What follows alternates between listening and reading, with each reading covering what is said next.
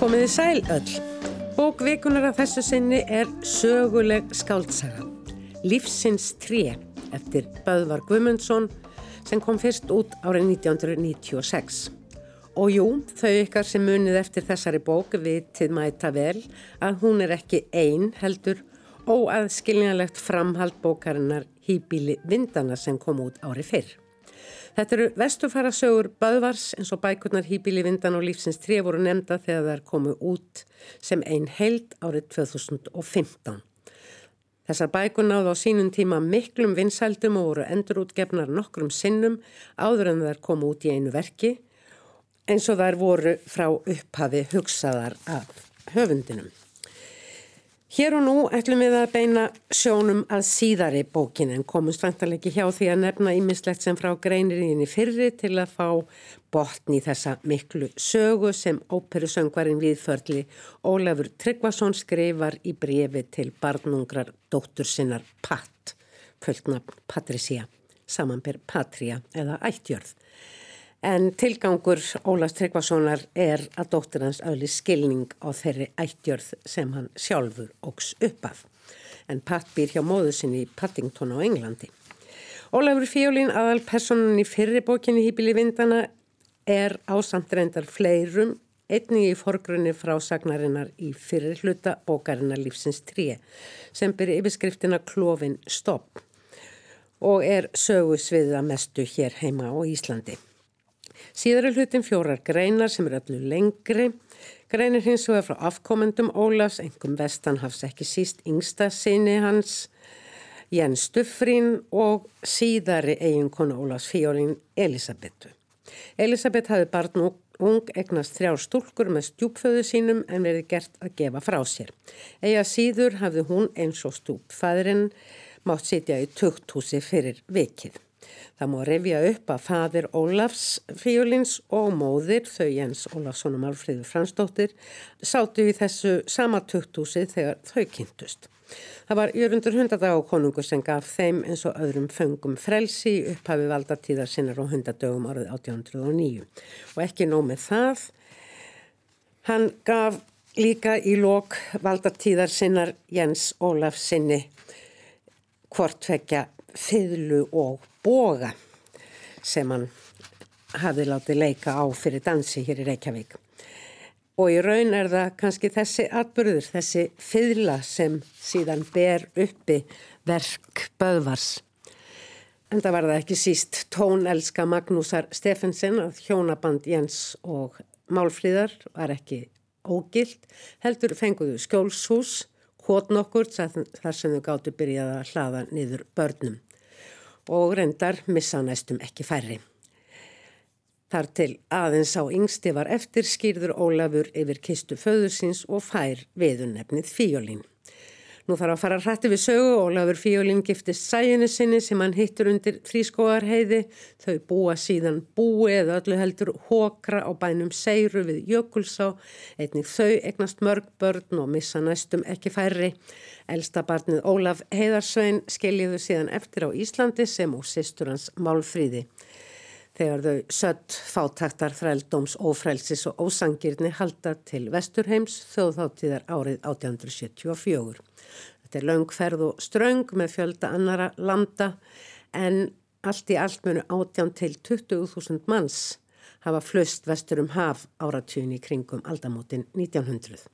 Erfiðleikar og bast fylgja þeim Ólafi Fíolín og sæjunni til nýra heimkina og börn bætast við. Ólafi leikur á fyluna og þau þræla sem fyrr.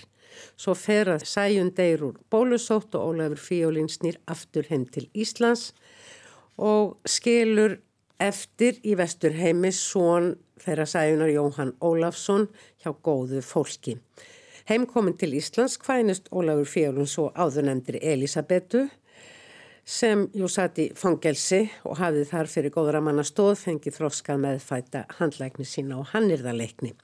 Áður en Ólafur Fjólín kynntist Elisabetu hafði sonur hans heiðarsveitnin kynstenni, bjargað lífenarraunar og ber þannig nokkra ábyrð á hjónabandi föður síns Ólafs Fjólíns og Elisabetar.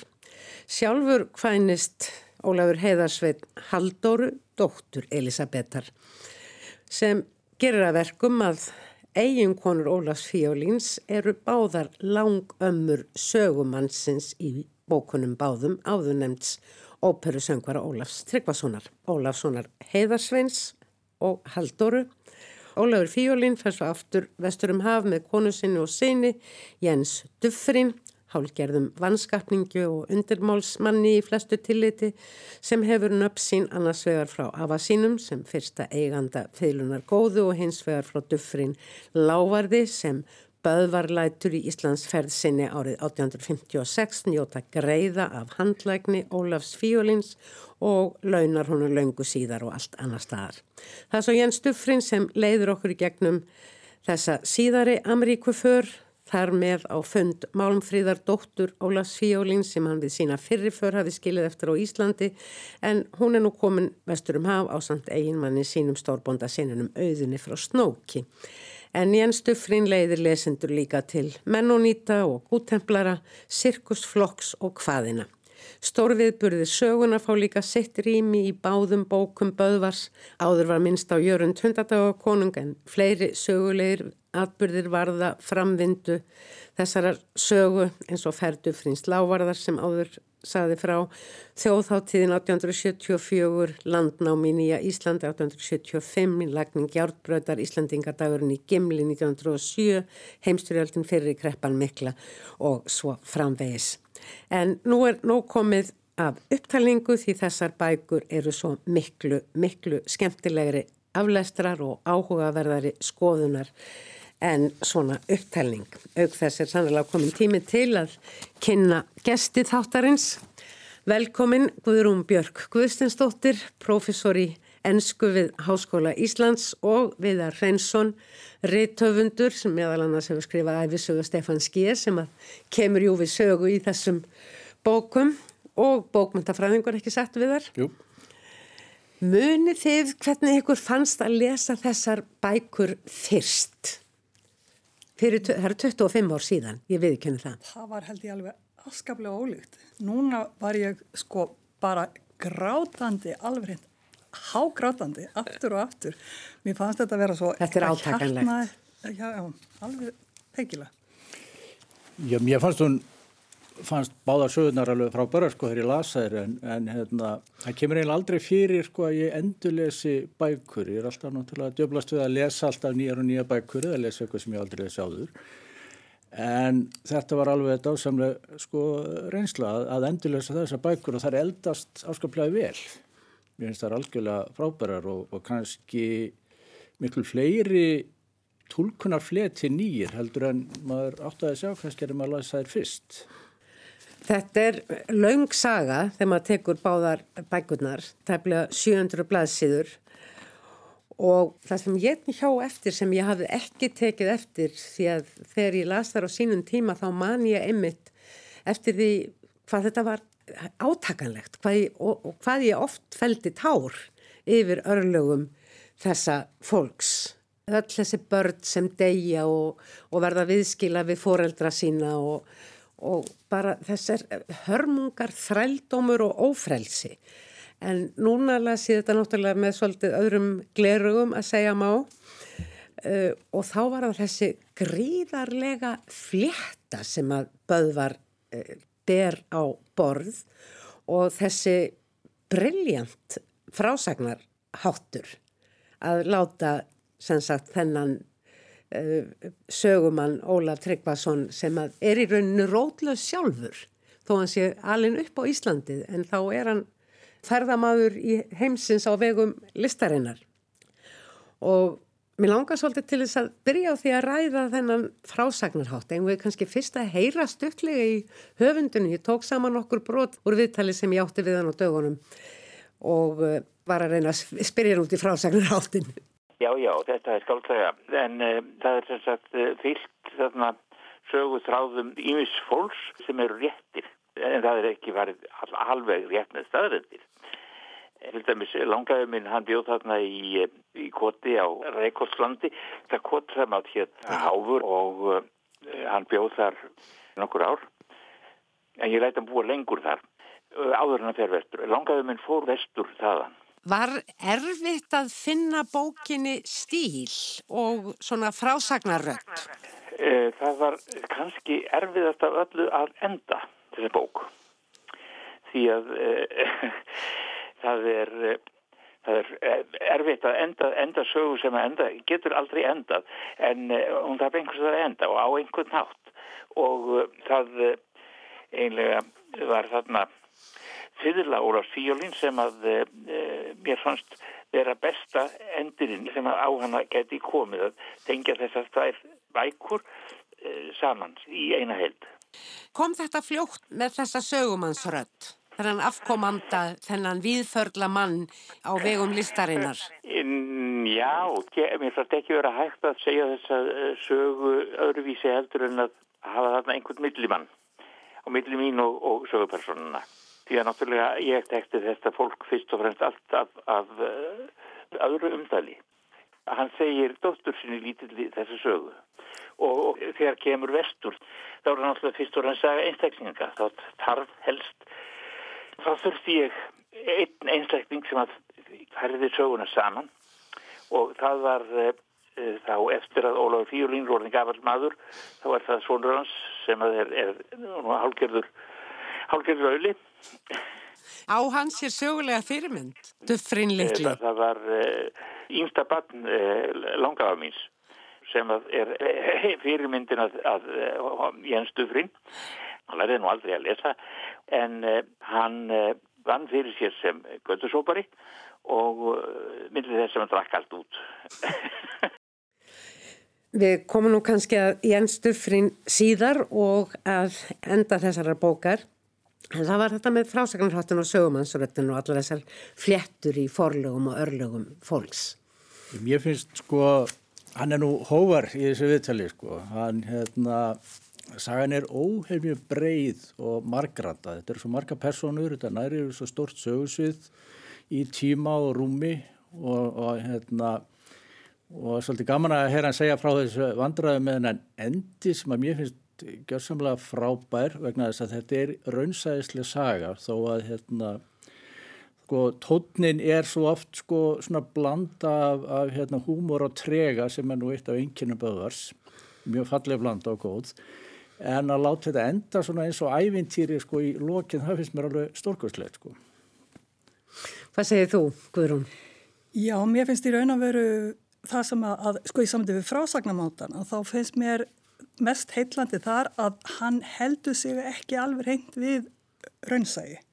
Þannig að sögumadurinn er að segja frá svo miklu, miklu meiru heldur en hann gæti nokkuð tíma vitað og er því annarkvort að, að ímynda sér, draga álíktanir frá, frá hinn og þessu sem hann þekkir eða þá bara að, að hann verður svona í raun og veru svona allsjáandi og alvitur sögumadur. Mm. Og svo finnst mér líka alveg ferlega skemmtilegt og það er kannski það sem að er svona gefið til kynna sko að, að hann sé ekki alveg raunsæðislegur sem sögumadur. Að sko að hann tekur málsnið annars vegar á Íslandi á sagt, 19. öld og orðfar og ímið svona Já, orðasambönd sem að eru alveg hreint bara einkennandi fyrir tímabilið og sem að kannski nútíma fólk þarf að fletta upp bara til þess að átt að sjá hvað mm. þýðir. Hins vegar er málfarið sem er, er vestur íslenskt og það er sem sagt treinið og, og, og bastlari og, og allt þetta og til þess eh, barn, barnið. Barnið er í raun og veru eitthvað sem getur vilt nútíma fólk og halda þetta sér barnið. En barnið er náttúrulega bara hlaðan. Og ímiðslegt þetta. þetta Svípastrítuna. Já, já. einmitt. Svípastrítuna, já. En, en málið er að, að sögumadur, að hann getur ekki í raun og veru vita neitt kannski svo mikið um, um þetta orðfar nema þá bara kannski úr brefunum. Mm.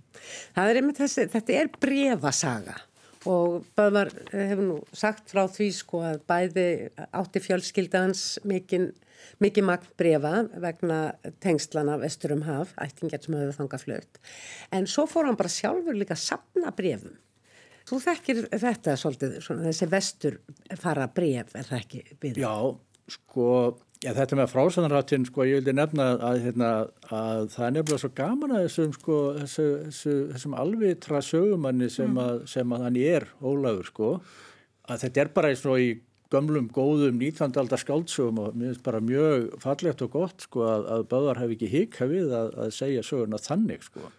Svolítið, oft er hann, er hann svolítið svona ágengur framan af, sko, sem er bara fínt. Mm og svo er hann náttúrulega svo hérna, hefur Böðvar svo góðan hérna, skilning og þekkir vel hann að gamla veruleika sko, það er, er eins og þetta sé bara leikurinn fyrir hann að draga upp sko, hérna, lífið á, á, á Íslandi á 19. öld eins og það gæt nú orðið hörmulegt sko. en já, það eru hann, hann hérna náttúrulega sapnaði um þetta leitu upp úr þessu sapnaðin í tvö stór bindi Amerikubrefum og, uh, og hérna, sem eru óheimju merkileg og merkileg og góð útgáfa.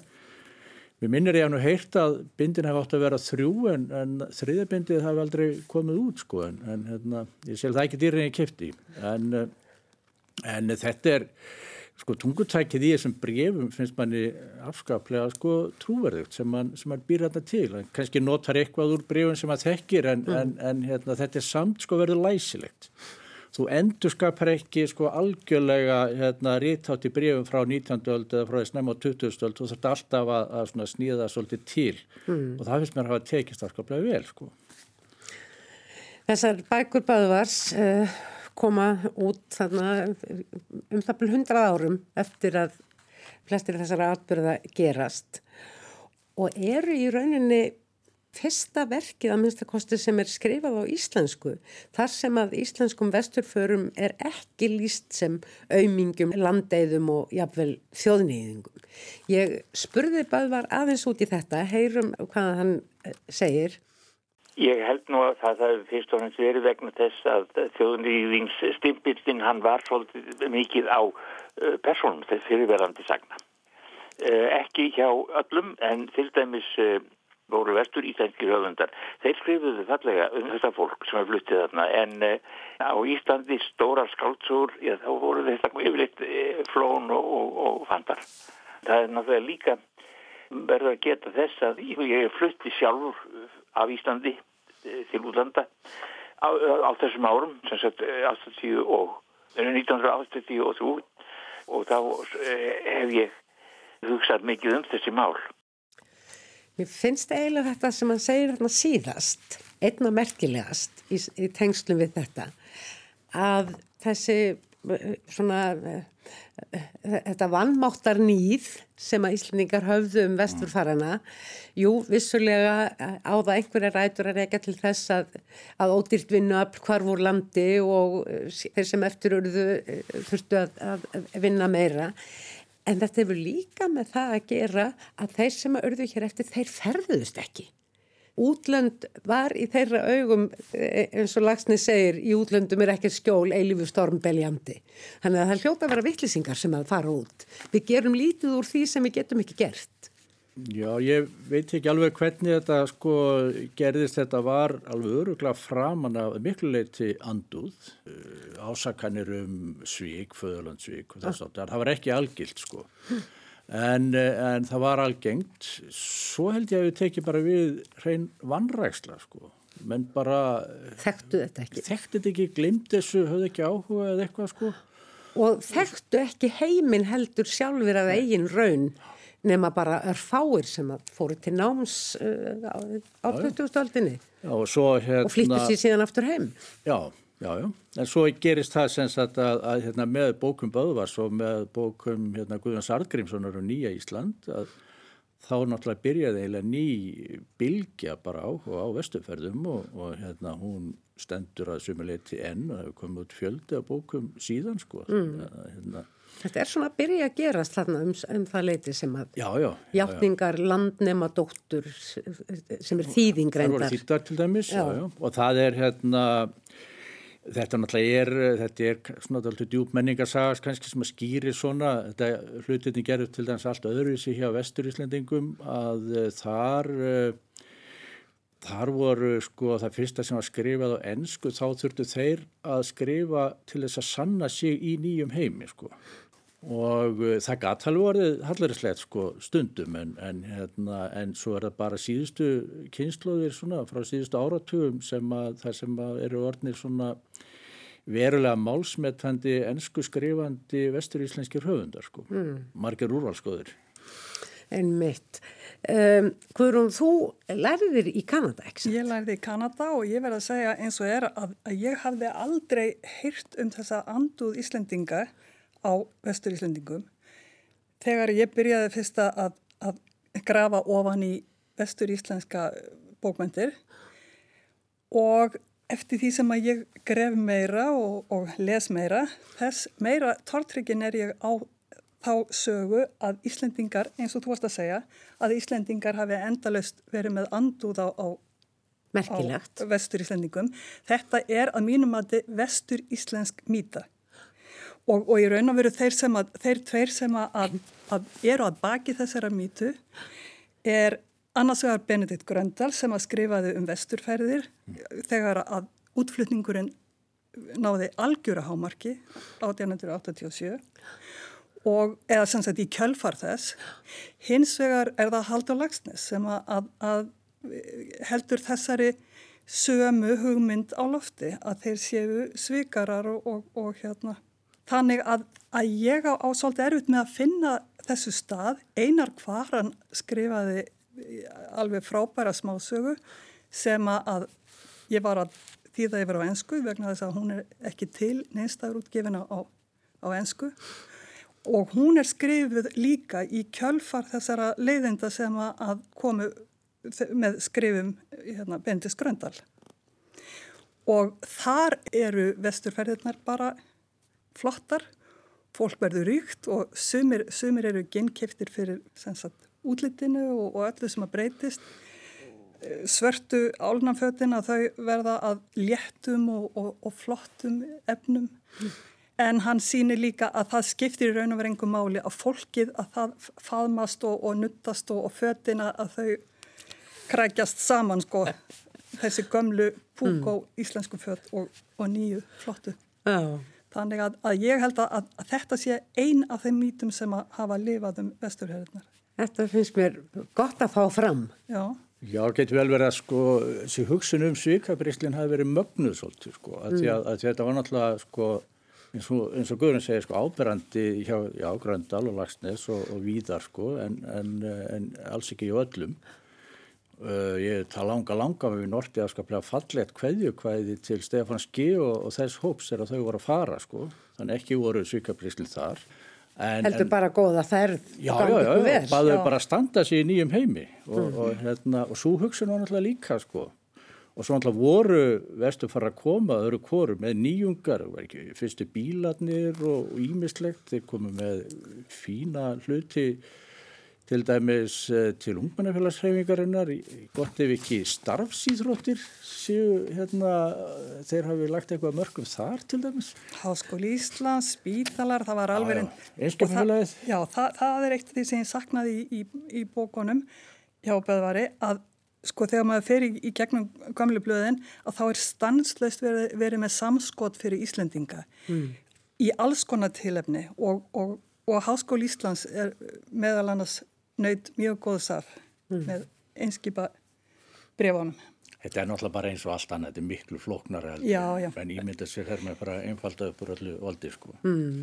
Og það er það náttúrulega sem er kannski styrkurinn hjá Böðvari að, að, hérna, að sagan er svo breið. Já, og e- einfaldar líka og það er bara frábært líka. Já, en við fáum náttúrulega sko þessa endurgjöf, það er á sviði listana, bæði í formi orgelsins sem að uh, er komið upp á, á skjóli, það er föðlan sem er upphaf þeirra, þeirra peninga sem orgeliði keift fyrir og svo er það slagharpan, handa, hérna, handa tryggva eða var það handa Ólafi tryggva sinni, píanóið. Tryggva minnum. Ég, Já, ég held það líka, föður Ólafs óperisöngvara. Uh, Þannig að, að, að það kemur ímislegt. Já. já, hann neikar mjög mikið. Já, hann, já, já. já. Og, og Þetta dæmis, er náttúrulega skáltsaga. Föðlan er, er eiginlega svona eins og tákmynd fyrir alla svona uh, skapandi framkvæmd og hugsun og, og gleði og frelsi og allt þetta sem ekki Já. var til á Íslandi og að því verðist líka svona eins og hliðstæða eða, eða tákmynd fyrir bókmyndir því að, að það var annars sem ég hló eftir að það er engar ekkert nema Stefán G. Svo... En tónlistin er svona nokkur stöðum tengd við bókmyndirna. Já.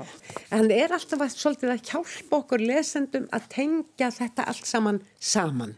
Bæði Já. ættirnar og, og fólkið, hann er að spegla á þekka viðbörðu hverja í öðrum og ólíkum sögulegum tímum og svo leiðis. Ég held að sko þetta sé kannski fyrst og fremst svona spurningum bara mannlegt atgerfi, hæfileika og sköpun. Þannig að tónlistin er náttúrulega bara sköpunumátturinn sko. Þurfu ekki að vera bókmyndirna sko. Svo er náttúrulega annað í þessu sem að mér finnst í rauninni mjög merkilegt að þetta er líka í rauninni út í gegn er þetta að saga um ofbeldi. Gagvart, uh, gagvart hæfileikum fólks sem að fengu ekki að njóta sín. Já. Og núna náttúrulega af því að sko umhverfismál eru miklu meira ábærandi núna heldur en voru þegar að bækuna kom út að þá náttúrulega hjója líka eftir því að, að hérna í upphafi sögunar, upphafi lífsins trés, þar er, þar er tala sögumæðurinn um ábeldi kakvart náttúrunni þegar hann situr einhver staðar í, í Stokkólmi og horfir á ísbrjótana, brjóta ísin. Já. Má ég lesa smá Já. út? Hann segir sko Ég held einmitt að það séu ísbrjóðtætni sem gera mér svona dapran. Allt þetta ofbeldi manns á náttúru. Sjá ég er herra sköpunverksins, vötnin skul ekki ná að frjósa gegn vilja mínum. Sjálfur skal ég ráða hvar skóar vaksa og akrar spretta. Vil ég dýrin fá hluteldi þeirri veröld sem ég ræð. Þá skal það allt á mínum forsendum standi fjöllinni vegi mínum riðja þeim burt, streymi fljótin mót þörminni snýja þeim aftur að uppsprettunum. Flestir kalla þetta framfærir, ég kalla það ofbeldi, ofbeldi manns á náttúru. Það er náskilt ábeldi manns á manni og situr til borðs með sorginni. Kanski er það ómeðvitt að hemdarverk útrás fyrir gremju og heift mannskeppnunar yfir stjórnleysi eigin örlaga. Þetta sko eh, setur svolítið tónin fyrir alla bókina finnst mér. Kanski ennþá sterkar heldur en í fyrirlutunum vegna þess að það snýst um hæfileika Ólafs og þessar afkomendans mm. sem að loksins blómstra í þessu lokaatriði og, uh, og það er svolítið merkilegt sko að uh, það eru svo tveir sko uttangarsmenn eða undirmálsmenn eða hvað sem á að kalla þá sem eru svona utanveldu lengst af uh, Jens Dufrin og, og Jói, frænda, bróður hans, hálfbróður hans. Já, akkurat. Það eru þeir sem, sem að gefa pening bara. til þess að koma þessum ungu snillingu til menta. Já. Og, og, hérna, já, það er Jens Duffrin sem að stiður þarna söngkonuna fræða. Sko. Síklindi. Og, og sem sagt þeirra hæfileikar fá loksins að blómstra, sko. Og það var eftir að tala alltaf lengur um þetta, það var eftir að tengja til dæmis Jens, Jens Duffrin við, sko, Jón Rak eftir Stefán G. sem er þetta vitnað í einhver stað, sko. Jón Rak var undi, undimálsmaður, hann var hæfileikamöður, fekk ekki að njóta hæfileika sinna og lendi þessuna algjörlega utangar, sko. Er þetta að tala um Jón Hrag? Í bæði um- Stefán Skja. Já, Ítars nú östur og vestur. Östur og vestur, já. Allir hann sem sagt lendi utanveldu við samfélagið og, og hérna var bara förumadur. Hann sko gróð upp sögur og gamlar bögur og, og hérna þótt og vildi komast að sko leindadómi nátturinnar og þótti mm. þess að snar klikkaður og, og dó á endanum bara fröysengstar út í skabli og var grafin sem sagt hérna út á söður og hérna Og að því að Stefán G. er þarna sko að þá, eh, þá er eitt erindi í einu af hans merkilegustu kvæðum sem heitir Kveld. Þar er sagt, eitt erindi um mannlegt atgerfi sko sem að hérna, heldur vöku fyrir Stefáni. Þegar hann segir en þá byrtist andvakan ferleg og föl og fælir burt kvíldmín og ró og glötuðu sáleitnar sækjaði mér sem sviku það gott í þeim bjóð og útbyrðir mannleifsins ílra þá hátt það atgerfir hyrðulega stó og þetta er saga um umhyrðu um atgerfi sem að þetta loksins blóttra. Að hyrða um atgerfi, Já. það er mikilvægt. Og um, svo við eh, náum honum Jens Duffrin aðeins uh, betur inn.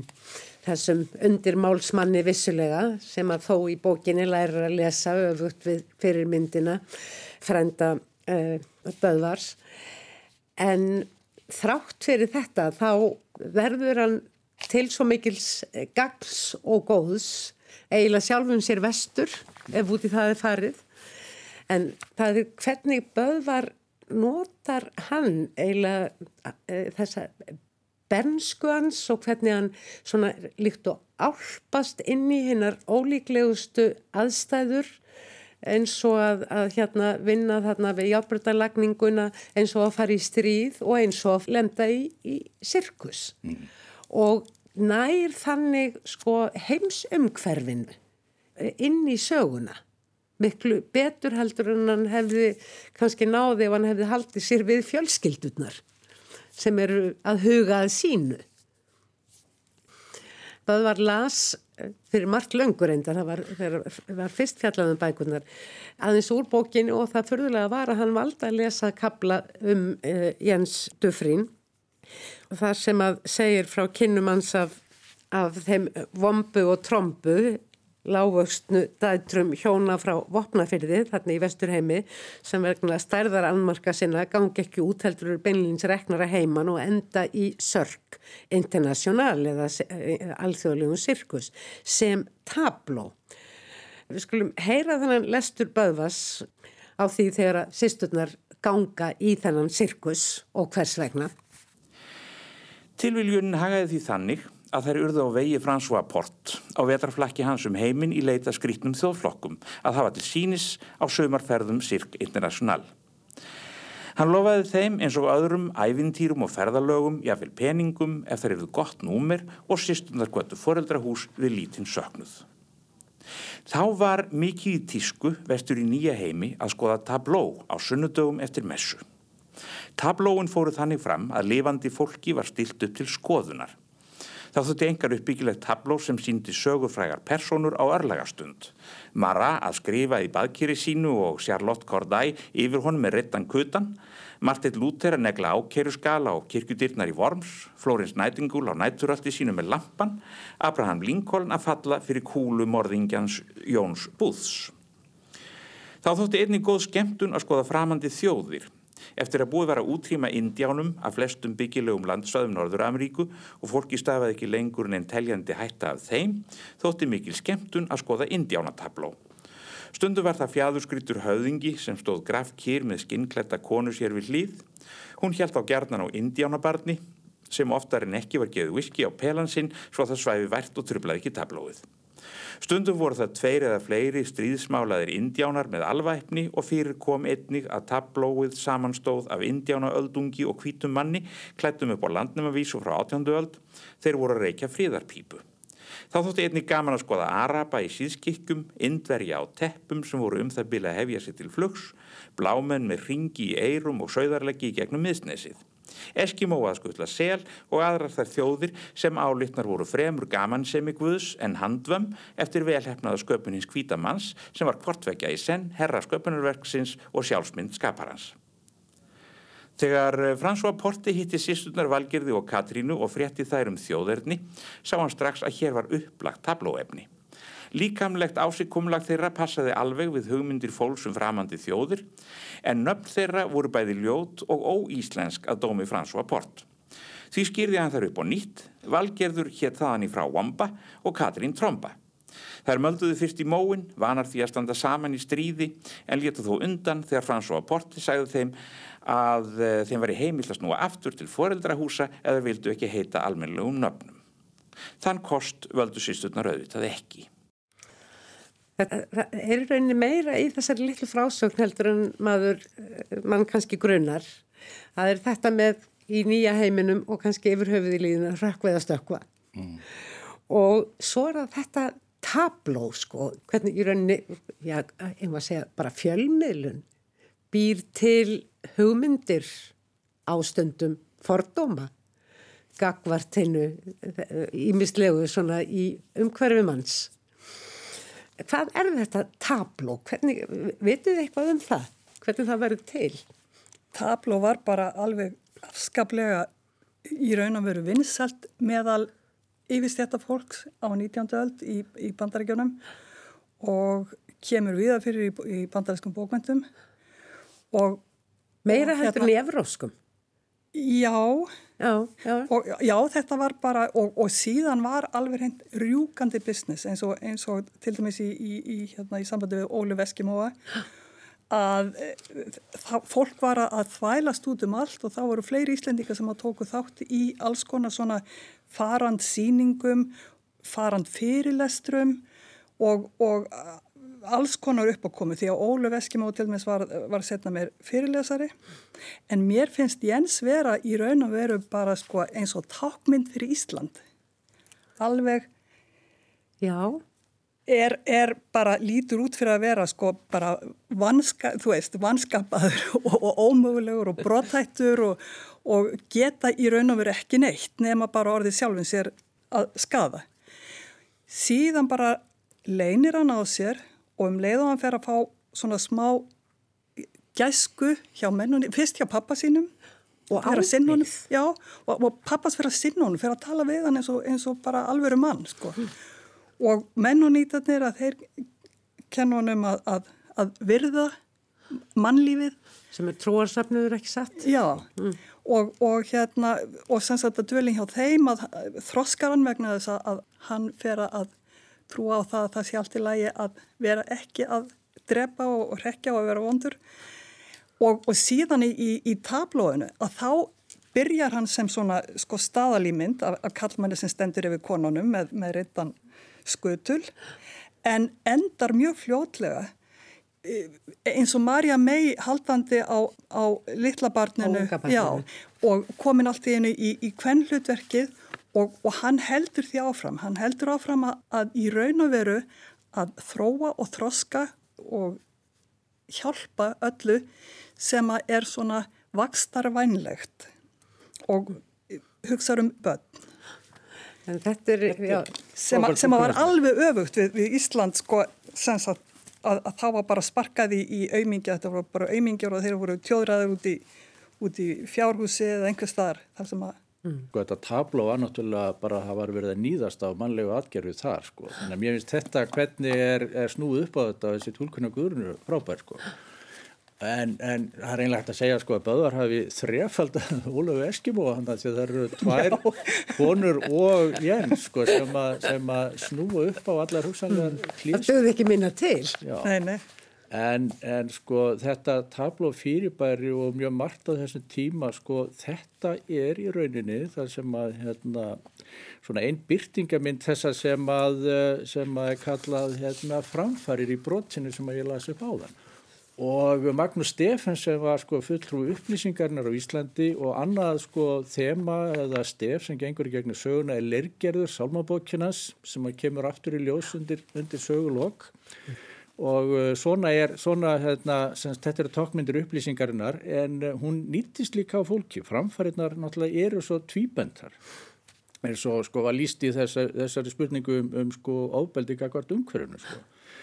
Síðan hérna og er, þá kannski getur við núna sérstaklega, ég, mann er dættið ekki í hug þá þegar maður laði söguna fyrst, farið að tólka græna steinin sem að týndist mm. og aldrei komið ljós farið að tólka hann sem takk fyrir eitthvað grænt sem að við getum ekki ennþá fundið sko, sem við höfum kannski búin að týna eilju, ég veit það ekki, en pabbi Böðvars hann orti nú fallið kvæði um rauðan stein sem að menn riðu framhjá og fundi ekki aftur, þannig að það var nú kannski hægt að, að tólka þetta svolítið háslega og, og tala um eitthvað bæði raut og grænt sko sem að hafi týnst og tröllum, sé tröllum gefið. Mm. Við erum að uh, renna út á tíma en mér finnst svo augljóst að þessu samtala okkar hvað þessi bók hefur elst vel og hvað hún eh, sko er eins og laukur, það kemur alltaf í ljós nýtt lag til tólkunar, kannski á ólíkum tímum, ég skal ekki segja, en bara með því að lesa hana, uh, lesa hana aftur sem er afar gjöfult, verði ég að segja. Þetta var mjög skemmtilegt og mér varst gaman að því sem að þú sagðir viðar að uh, þetta með uh, endurinn á sögu sem ekki hægt er að enda eins og Böðvar sagði sjálfur að snúinu upp í ævintýr, snúinu upp í já, guðdómlega tóna í, uh, fylgutóna í tónleikasal stærsta og flottasta í heimi eigum við ekki að segja það. Jú. Mm. Jú, og, er, og það er oft nota sem tákn fjölmenningar. Þessi, þessi sagt, symfónían eða margratta... Já. Margratunum. Mar, margratónum og, og, og það er, mér dettur allt í einu í hug og langar að nefna það sko að Málmfríður, dóttur Ólas skrifar heim uh, uh, þarna kringum heimstyrjöldina fyrri og, og ég hafði einhverstaðar skrifað hjá mér að þar væri komin sko, Málmfríður, Málpípa, uh, Freyðar Sinnlands Böðars. Þetta er náttúrulega líka sögur af góðu fólki sko. Já, já. Ólafur er góðmenni alveg út í gegn, alveg inn að beini hóvar, ljúfur og notalegur, hann er svolítið svona táískur og Málmfríður er einmitt sko svipuð, hún er góð í gegn og, og þetta er alltaf öðrum þræði er þetta að saga af góðu fólki gagvart öllu ábeldinu gegn hérna atgerfinu mm. og jörðinni hvert. Látum þetta verða loka orð, Guðrún Björk, Guðsteinsdóttir og Viðar Hreinsson, takk ykkur innilega fyrir mjög áhugavert samtal um vesturfara bækur Böðvars Hlömundssonar. Ykkur hlustendum þakka ég samveruna, tæknum aður í þessum þætti var Georg Magnússon, verði sæl.